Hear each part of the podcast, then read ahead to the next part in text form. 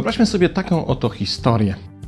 Obserwujemy grupę znajomych z tego samego działu na firmowym przyjęciu. Kilka pań oraz kilku panów raczy się drinkami i prowadzą ożywioną i wesołą dyskusję na tematy damsko-męskie.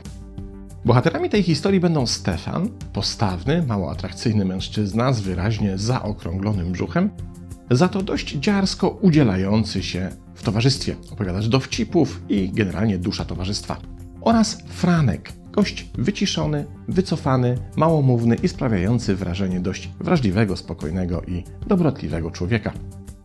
Obu panów łączy długa znajomość i brzuch, bo obaj, co tu dużo mówić, wyglądają jakby właśnie połknęli piłkę lekarską. Rozmowa schodzi na to, co kobiety uznają za atrakcyjne u mężczyzn. Stefan z głośnym śmiechem dobrotliwie obejmuje Franka i głośno wyznaje: My z Frankiem dobrze wiemy, jak wyglądamy, więc jedyne, co nam pozostaje, to brać na osobowość, co nie, Franek? Franek spuszcza głowę i postępuje jedynie krok do tyłu, za to Stefan wydaje się nieźle ubawiony własnym dowcipem. Mija kilka miesięcy. W tym samym dziale firmy ma dojść do głosowania, gdzie wyłoniony zostanie szef nowego, dużego, ważnego projektu. Faworytem jest Stefan, ze względu na swoją specjalizację, doświadczenie i wiedzę, jednak w głosowaniu zabrakło mu głosów i wynik pozostał nierozstrzygnięty. Trwają więc zakulisowe rozmowy, konsultacje i ustalenia. Ostatecznie jednak wybór pada na Franka. Stefan jest rozczarowany i wstrząśnięty, przecież akurat w tym projekcie jego kwalifikacje były najwyższe, a Franek nie ma o tym zielonego pojęcia. Ale cóż, życie. Po jakimś czasie Stefan znajduje nową pracę i angażuje się w nią, porzucając dotychczasową firmę. Po dwóch latach przypadkiem spotyka w pubie Magdę, byłą koleżankę ze swojej dawnej firmy. Co tam słychać u kierownika Franka? pyta Stefan.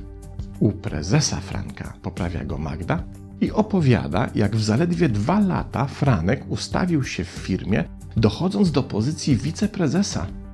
Pozbył się ze swojego otoczenia wszystkich wartościowych, ale samodzielnych ludzi i obstawił służalczymi, przytakującymi mu we wszystkim miernotami. Istny zamordyzm, opowiada Magda. Ludzie chodzą jak na rozżarzonych węglach. Nie mogą uwierzyć, że ten dobry, wrażliwy, cichy Franek mógł wyrosnąć na takiego bezwzględnego autokratę. Aha, a tamte wybory na szefa projektu przegrałeś właśnie z powodu intryg Franka. Powyższy scenariusz oczywiście zmyśliłem w najdrobniejszych szczegółach, ale czy aby na pewno tego typu ludzie nie istnieją? Jaki mechanizm może stać za taką strategią na życie? Otóż wielu badaczy wskazuje tutaj na istnienie cechy nazywanej introwertycznym, wrażliwym lub też ukrytym narcyzmem. Obydwie odmiany narcyzmu, ekstrawertyczny i introwertyczny, czy też jawny i ukryty, nie różnią się zasadniczo od siebie pod względem wielu emocji oraz swych źródeł. Różnica jest jednak istotna w kontekście ekspozycji. Narcyzm ekstrawertyczny łatwo zauważyć, bo taki delikwent sam dąży do ekspozycji swojej osoby. Moglibyśmy powiedzieć, że ma parcie na szkło, a aktywności spod znaku lansu towarzyszą mu każdego dnia.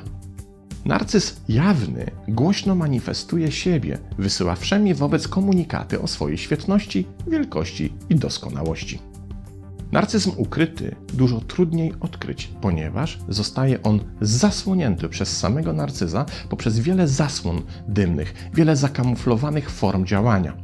Nie jest jawny, więc ukrywa się pod wieloma maskami, a najczęstsze z nich to te, które jego otoczeniu najtrudniej przejrzeć to na przykład maska człowieka chętnego do pomocy innym, wrażliwego na czyjeś cierpienie, dobrze nastawionego do świata, wyciszonego, spokojnego, dobrotliwego człowieka. Odkrycie rzeczywistych cech ukrytego narcyzmu pod tak wieloma maskami wymaga czasu, ale nie jest niemożliwe, ponieważ prędzej czy później ukryty narcyz zdradza się efektami swojej działalności, a musi się zdradzić, bo odróżnia go od ekstrawertycznego narcyza bardzo ważna cecha. Otóż narcyz ukryty kolekcjonuje krzywdy, których w jego przekonaniu doznaje od innych. Potrafi je hodować w sobie latami i tak manipulować otaczającą go rzeczywistością i ludźmi, by doprowadzić do sytuacji, w której pojawi się możliwość zemsty, a wówczas będzie się mścił w sposób wielokrotnie większy niż domniemane krzywdy mogłyby wskazywać. I tutaj też pojawia się największy problem dla ludzi, którzy z różnych powodów i na skutek różnych okoliczności stają się stroną relacji z kimś takim. Kiedy bowiem ukryty narcyz się mści, to jest już zazwyczaj zbyt późno, by można się było przed tym obronić. Zatem introwertyczny narcyz prędzej czy później objawi się światu, tyle że wówczas ten świat gra już pod jego dyktando. Ale to nie jedyna cecha ukrytego narcyzmu. Przyjrzyjmy się pozostałym. Po pierwsze, mamy tutaj do czynienia z nadwrażliwością na jakąkolwiek krytykę, i to do tego stopnia, że w efekcie tejże krytyki wrażliwy narcyz będzie budował w sobie nienawiść do krytykującego. Co więcej, tejże nienawiści zacznie towarzyszyć pogarda w imię zasady ludzie są zbyt głupi, aby docenić moją wielkość. Nie dość, że nie doceniają, to jeszcze pozwalają sobie na krytykę, więc nie zasługują, by być kimkolwiek czy cokolwiek posiadać. Zgodnie z tym przekonaniem, ukryty narcyz będzie karał swoich krytyków, dezawuując ich pozycję, a jeśli będzie miał na to wpływy, to decydowaniem o obniżeniu ich dochodów, zysków, majątności itd. Tak po drugie, ukryty narcyz wykazuje się wysokim stopniem pamiętliwości. W jego pamięci błahostki będą urastały do rangi mega problemów.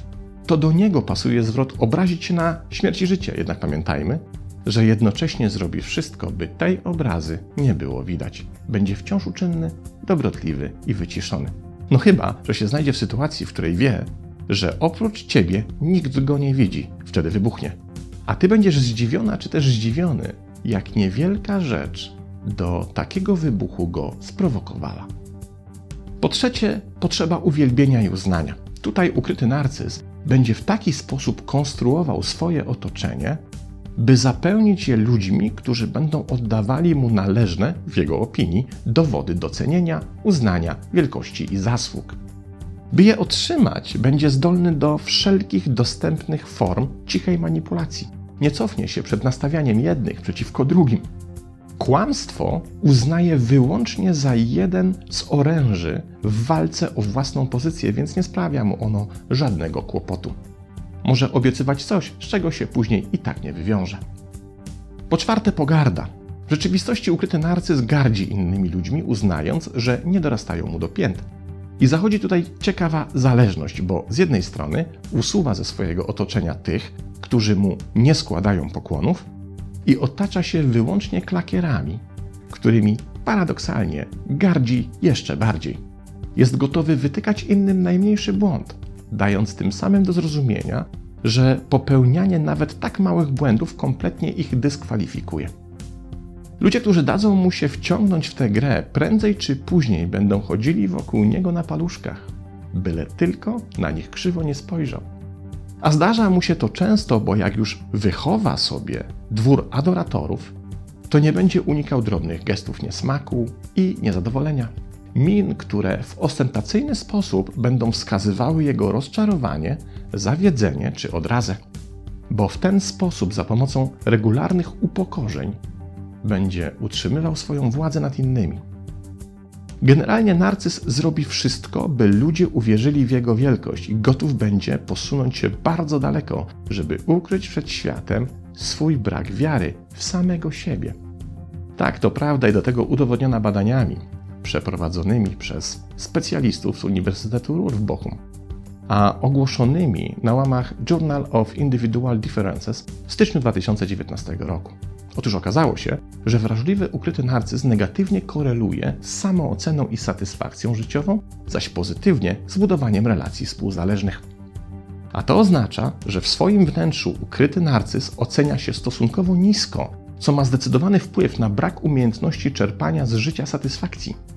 On po prostu nie uznaje swojego życia za satysfakcjonujące, ale jednocześnie czerpie pozytywną dla niego energię z sytuacji relacyjnych, w których uda mu się zbudować czyjąś zależność od jego władzy, humorów, decyzji czy nastawienia.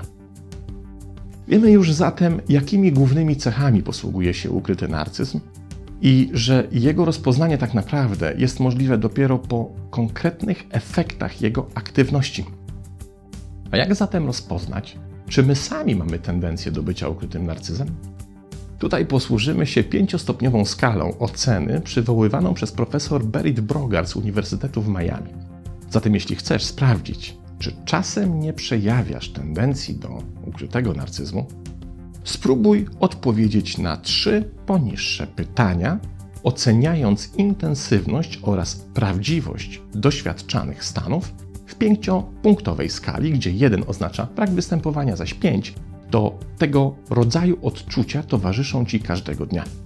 A oto te pytania. Czy czuję się niezbyt dobrze w towarzystwie ludzi, którzy mnie nie rozumieją i nie doceniają? Czy trudno jest mi przyznać się do słabości i błędów?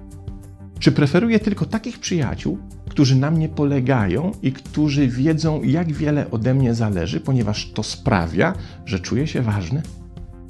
Profesor Brogard przywołuje jedynie te trzy pytania, ale przecież pozostałe możemy zadać sami sobie, konstruując ich treść na podstawie cech narcyza ukrytego, które wymieniłem wyżej. Jeśli na tej liście pytań, tych od pani profesor i twoich własnych, wyjdzie ci wynik trzykrotnie przekraczający ilość pytań, dla trzech pytań byłoby to 9 punktów i więcej, to warto uważniej przyjrzeć się własnym cechom w tym kontekście.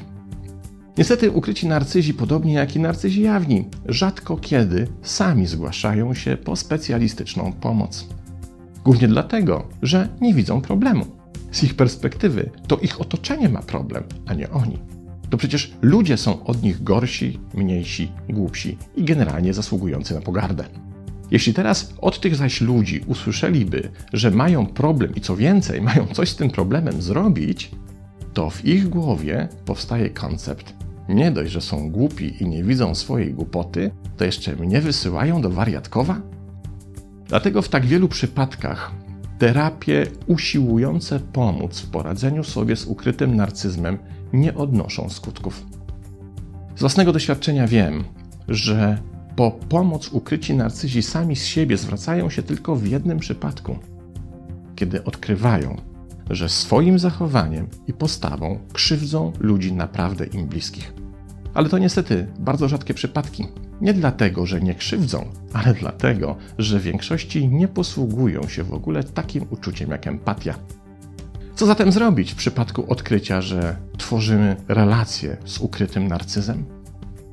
Tutaj wielu autorów, podobnie jak przy eksponowanym narcyzmie, jest zadziwiająco zgodnych. Lepiej brać nogi za pas i zwiewać jak najdalej.